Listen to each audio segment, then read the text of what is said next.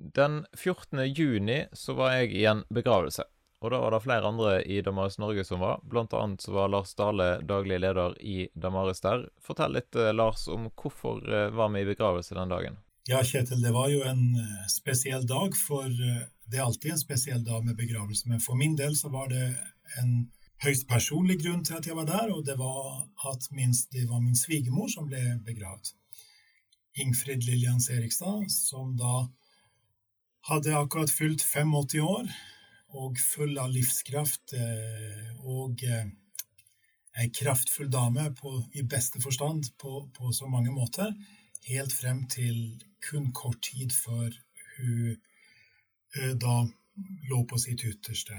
Og det var en Det gikk veldig fort på slutten, og, og så fikk vi erfare at det var fredfullt, og hun hadde fred med Gud, fred med seg selv og fred med oss rundt, og ingenting er en selvfølge av det. Og derfor ble jo eh, begravelsen også preget av det lyse, håpet, midt i sorgen. For det er jo sånn, Kjetil, at det å miste en forelder eller en svigerforelder er jo som om en vegg faller ut. Det er jo som om eh, noe helt grunnleggende går tapt i livet. Eh, og i forhold til det så, så vil jeg jo si at, at vi skal ta på alvor den sorg og det savn vi kjenner også i så måte. Selv om her er det et langt liv som har vært levd, eh, det er gode relasjoner, det er noe å være takknemlig for, det er ingen selvfølge noen ting. Men så har vi andre situasjoner der, der rammen og, og, og er helt annerledes. Eh, Folk rives bort midt i livet pga. sykdom, ulykke eller hva som måtte være.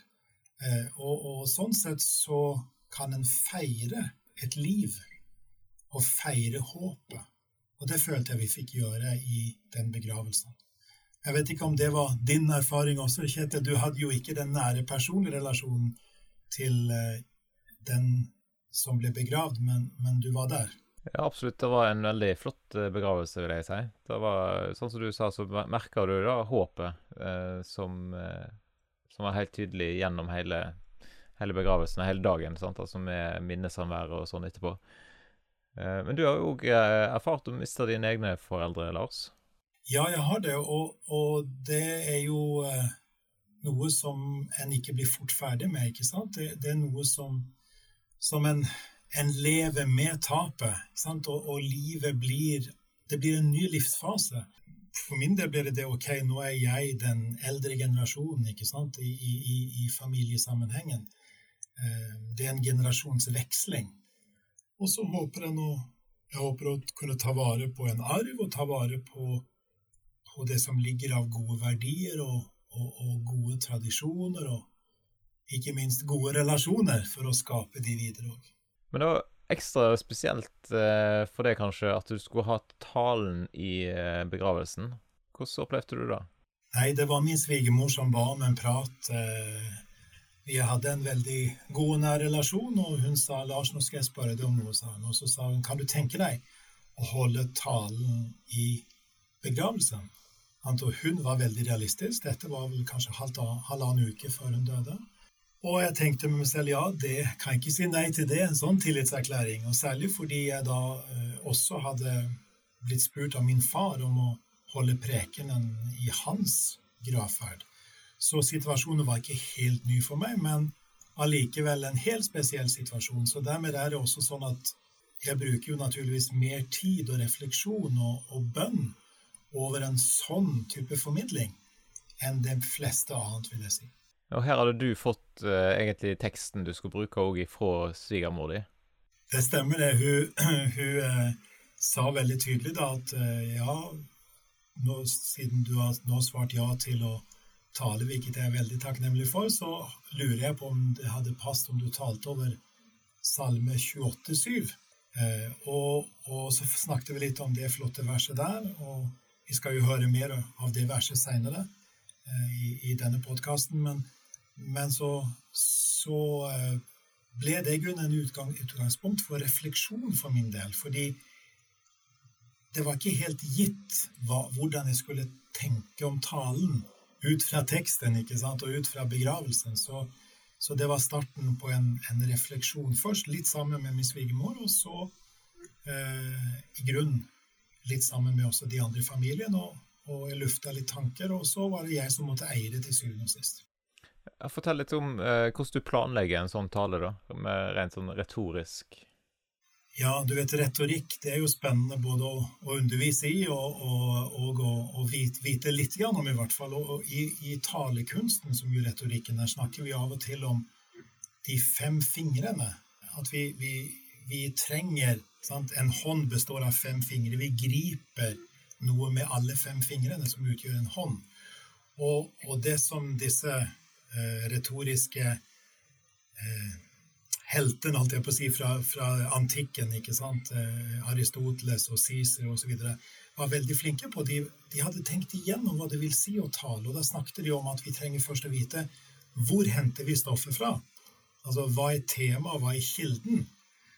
Og det var jo gitt her, ikke sant? det sa du allerede. Det hadde jeg fått her. Og så det neste var hva slags disposisjon, eller hva slags struktur, bør talen ha? Og det må jeg si, det var ikke lett å lande på. Så der var jeg valgte litt ulike ting og landa til slutt på at jeg hadde lyst til å fokusere på Gud er mitt vern. Fra ulike perspektiver, ulike ulike innfallsvinkler.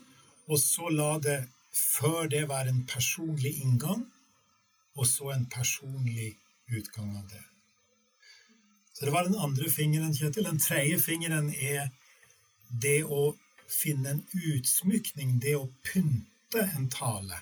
Altså illustrere med bilder, med språklige uttrykk osv. Og, så og det er klart, for min del var det naturlig å bruke, ta utgangspunkt i det spørsmålet jeg fikk, og gjenfortelle denne situasjonen på, i den personlige samtalen med min svigermor.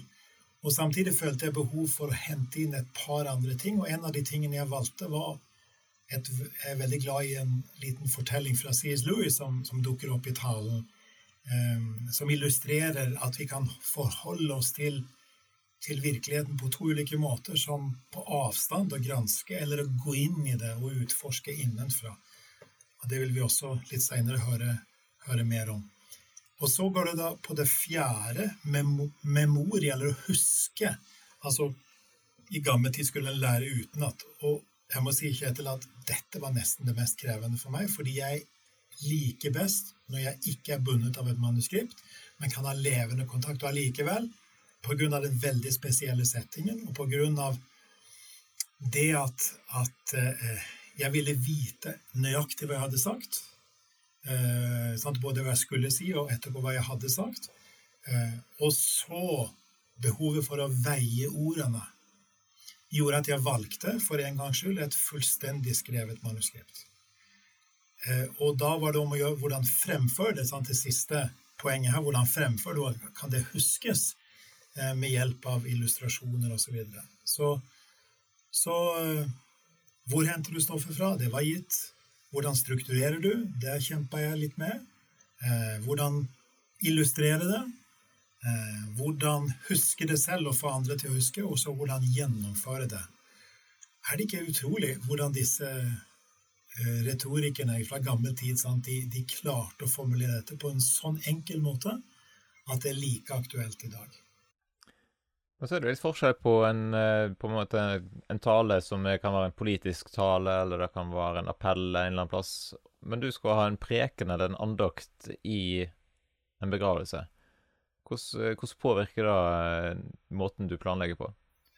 Ja, Jeg er glad for at du løfter det frem, for det er en grunnleggende forskjell på et foredrag eller en undervisning eller en tale i en eller annen sammenheng og en kristen forkynnelse. Da, da, er det jo et bibelord som danner utgangspunkt, gjerne, eller et bibelsk tema, et bibelsk anliggende. Og det ligger et element av undervisning i det, men det ligger også et, et element av eh, noe av, av, en tiltale, en dialog. Og som kristne, eh, eller som kristen teolog, så er, jeg overbevist om at Gud taler gjennom sitt ord. Og da er spørsmålet hvordan kan, hvordan kan jeg være talerør for Gud i en sånn sammenheng? Hva har Gud å si til den enkelte? Og, og, I dette tilfellet var det mange i kirken, ikke sant? Og, og det var en, en sjelden anledning til å bringe noe om hvem Gud er, og at han har omsorg for oss på ulike måter. Og det at jeg også fikk lov til å si litt om at Gud verner oss gjennom vår neste, det føltes veldig meningsfullt. Og til og med inkludere også noe om at den lindrende enheten i Time kommune eh, var nesten i bibelsk forstand for min svigermor. I, I møte med til å lindre smerte og lindre angst. Eh, det det syns jeg var, var, veldig meningsfullt. Og jeg håper og tror, og, og fikk tilbakemelding på også, at folk fikk med seg noe, ikke bare i form av en tale, men også et budskap. Uh, og, det, og til syvende og sist så er det å forkynne Kristus, forkynne Jesus.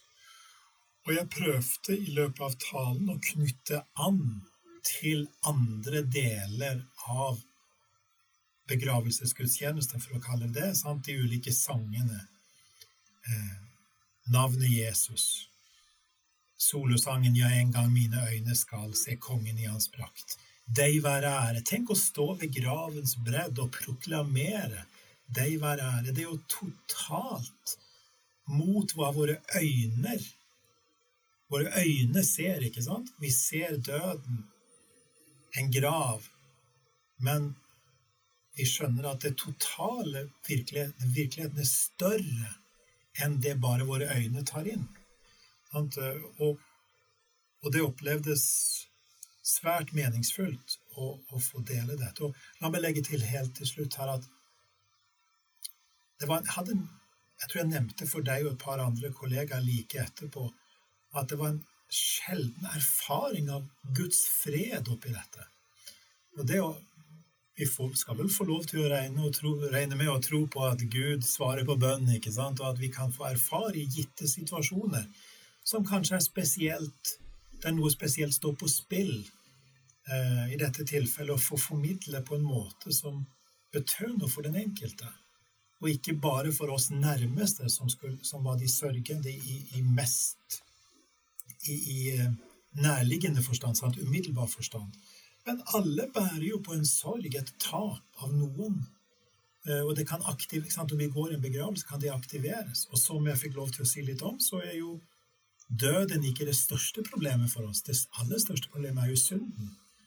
Eh, og hva gjør vi med den? ikke sant? Og, ja, da trenger vi budskapet om Guds nåde i Jesus Kristus og, og den fred, den nåde og den tilgivelse og det evige liv som, som Gud gir i Jesus Kristus.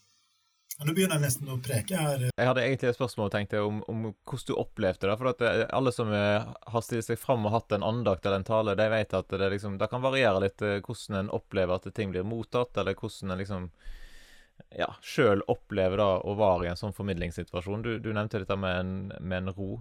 Fortell litt mer om det. Ja, det, det, er jo et godt spørsmål, Kjetil. og jeg vet ikke hva inntrykket var hos dere som hørte og så på, men, men min erfaring var at jeg ble båret gjennom dette. Sånn Guds fred som, som, overgår all forstand, overgår all forstand, leser vi om. Og, og, og, det er jo uh, ja, Jeg opplevde det som en, erfarte det som en realitet der og da. Uh, på, en, på, en, litt sjelden måte, vil jeg si. Så så det er vel kanskje det beste, mest saksvarende måte jeg kan si det på. Ja, nå skal vi rett og slett eh, få høre den talen, for vi har fått eh, et opptak som ble gjort. Sånn at eh, du som lytter til podkasten nå kan få lov til å på en måte bli med inn i den eh, begravelsestalen som, som, Lars hadde. Hva tenker du om det, Lars, å dele en sånn så personlig tale i en podkast? Nei, jeg syns det er noe fint med det. Og, og, og, midt i alt, jeg føler at det er personlig, men det er ikke privat. Det er det ene. Det andre er det at det var jo en offentlig anledning. Hvem som helst i utgangspunktet kunne komme. Uh, og, og, mange av de visste ikke jeg helt hvem det var. Sant? Og sånn sett så er det å formidle det gjennom en podkast uh, Jeg syns det er fint.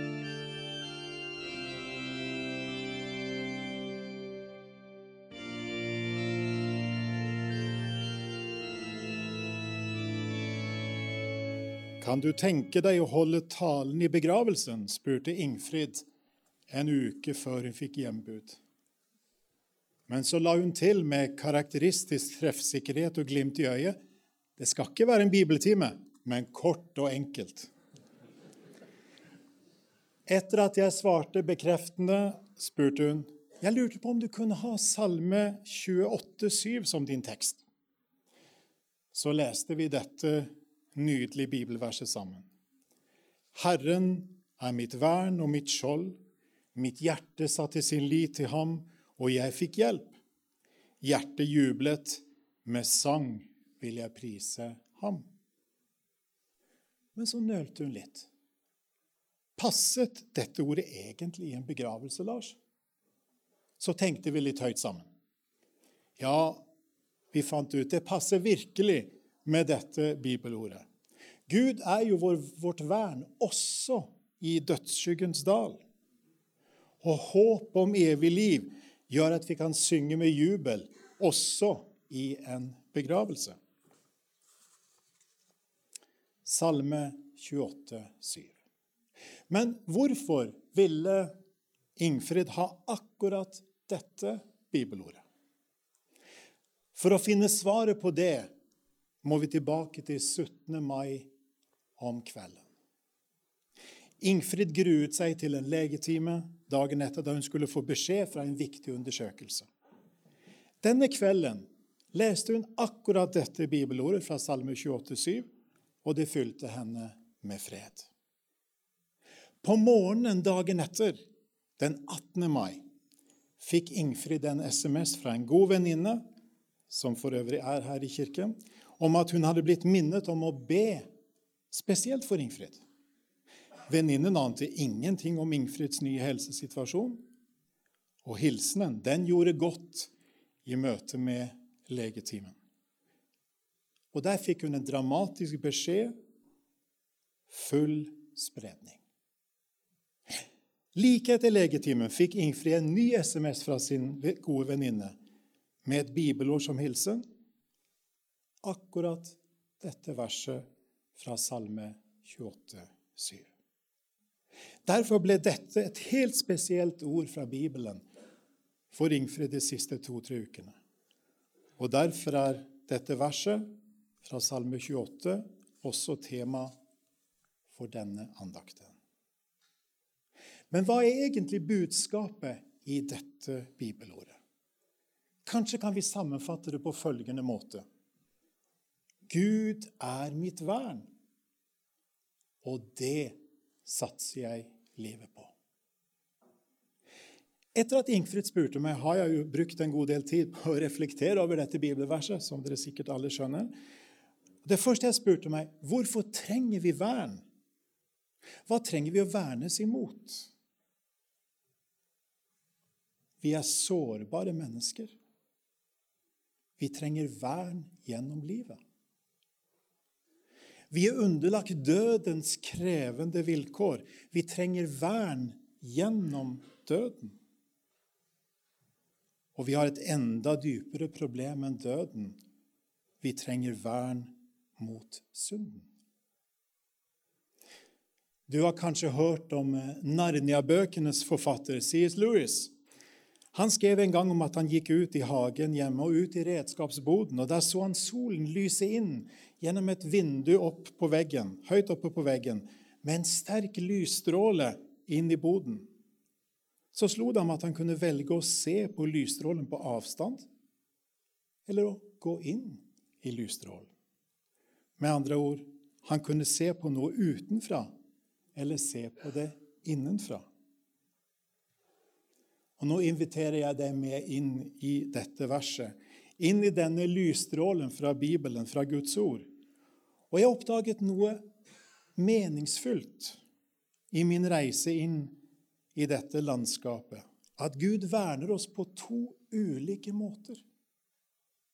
Gud verner meg på en indirekte måte gjennom min nestes omsorg. Og Gud verner meg på en direkte måte gjennom hva han ønsker å gi meg.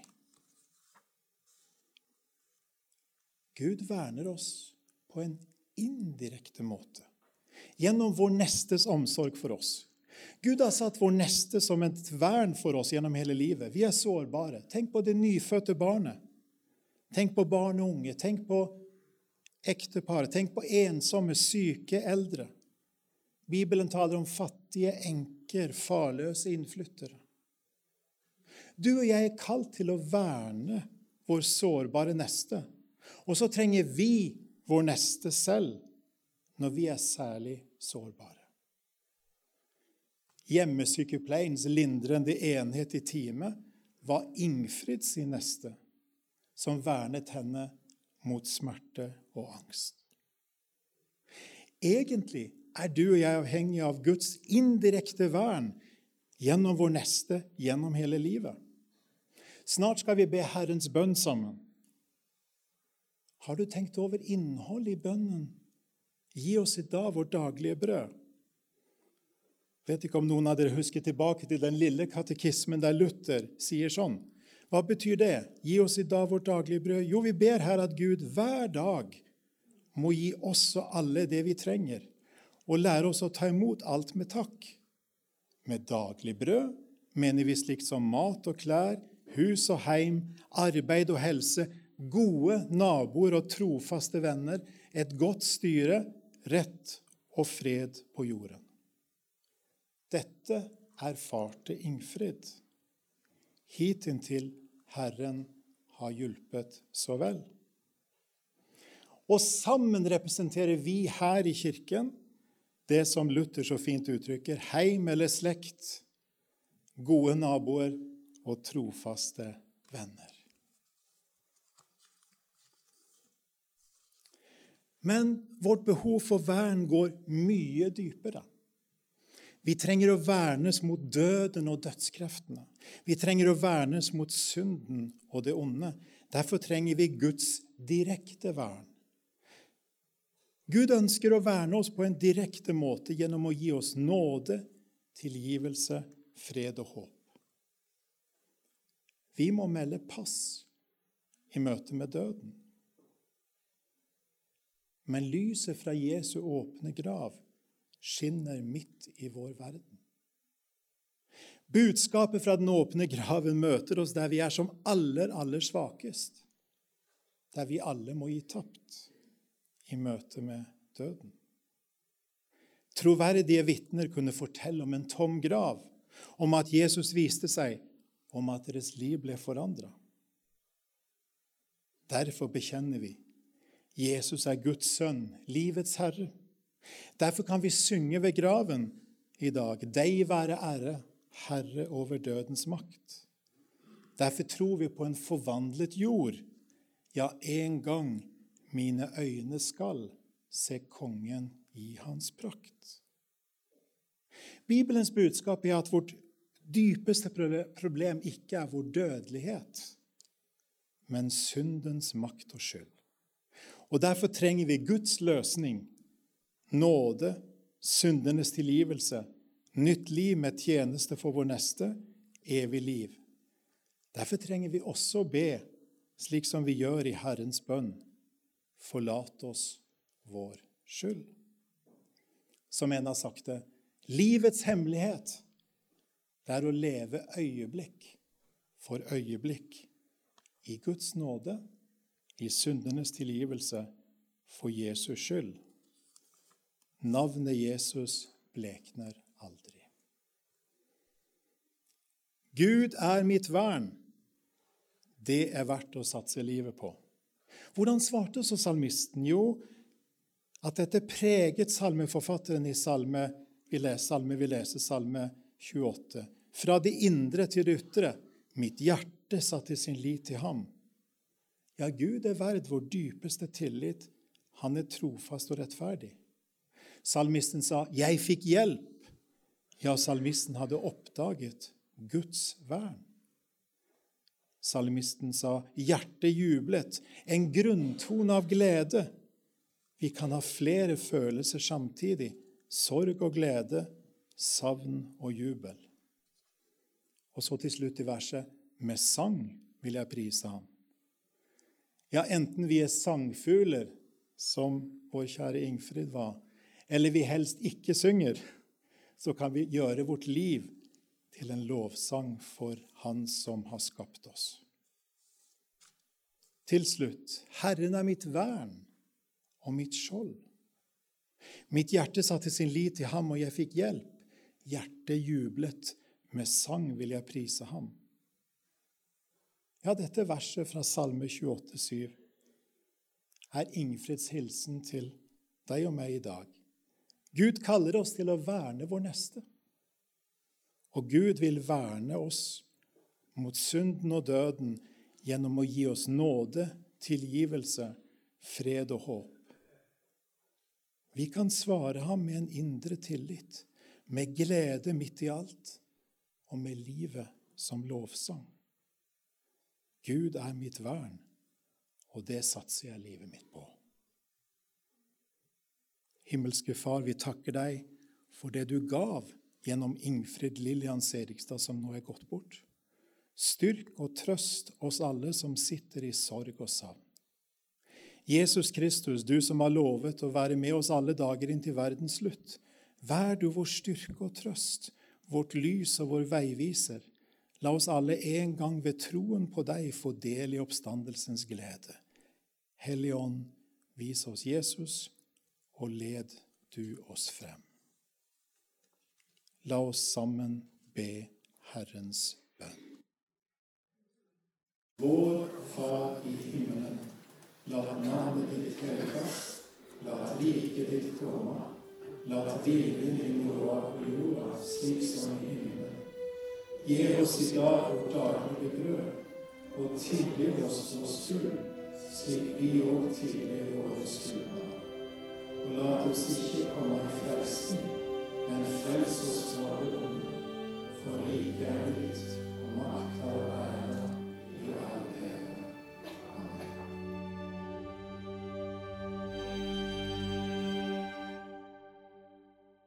Sånn helt eh, avslutningsvis, Lars. eh, har du noen refleksjoner om dette med det kristne håpet?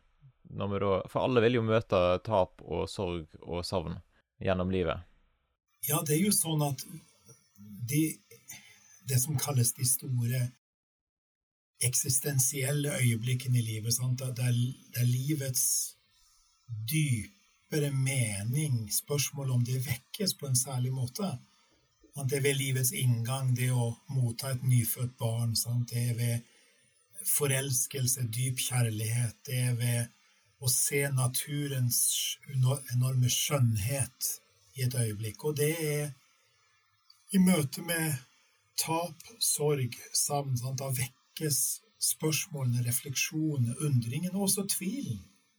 Um, livet kan bli veldig krevende i en sånn situasjon. Og da må jeg si at for min del så betyr det enormt mye at min tro er forankret ikke i mine følelser, ikke heller i mine erfaringer eller i hvor mye jeg griper av, av troens innhold heller, men er forankret i noe som skjedde utenfor meg, ved at Jesus Kristus fra Nasaret, som viser seg å være Messias, Guds sønn, døde på et kors, døde for mine synder i mitt sted, og sto opp, og at oppstandelsen den historiske, fysiske oppstandelsen, som selvfølgelig var et under, men det er jo mulig å tro på hvis vi tenker at det finnes en Gud.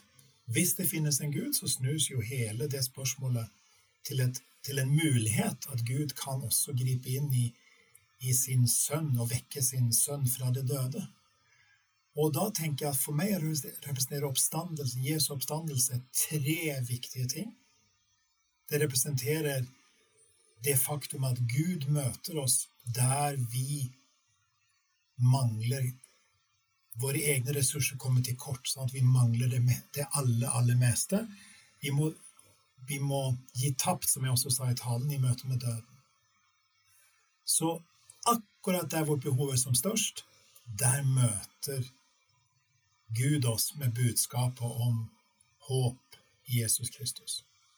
For det andre, hvis Jesus virkelig har stått opp fra det døde, som troverdige vitner forteller oss, så sier det noe om hvem Jesus er.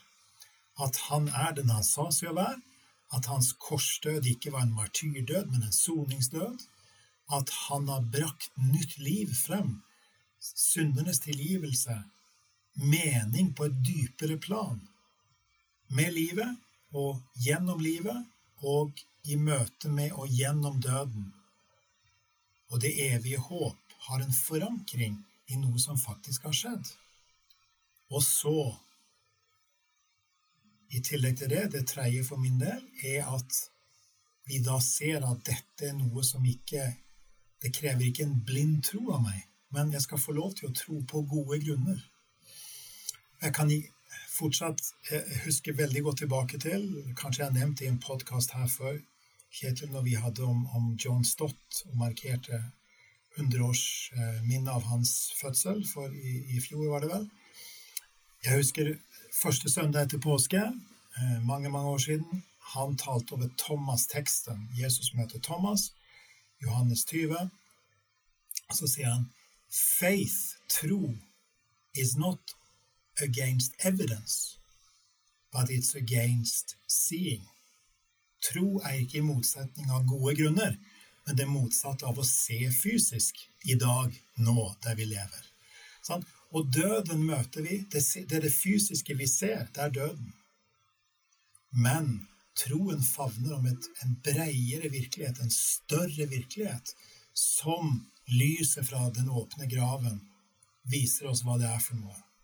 Og derfor kan vi både møte livet og møte døden, viste min svigermor meg også, eh, på en måte som der vi har fred med Gud, med oss selv og forhåpentligvis også med hverandre.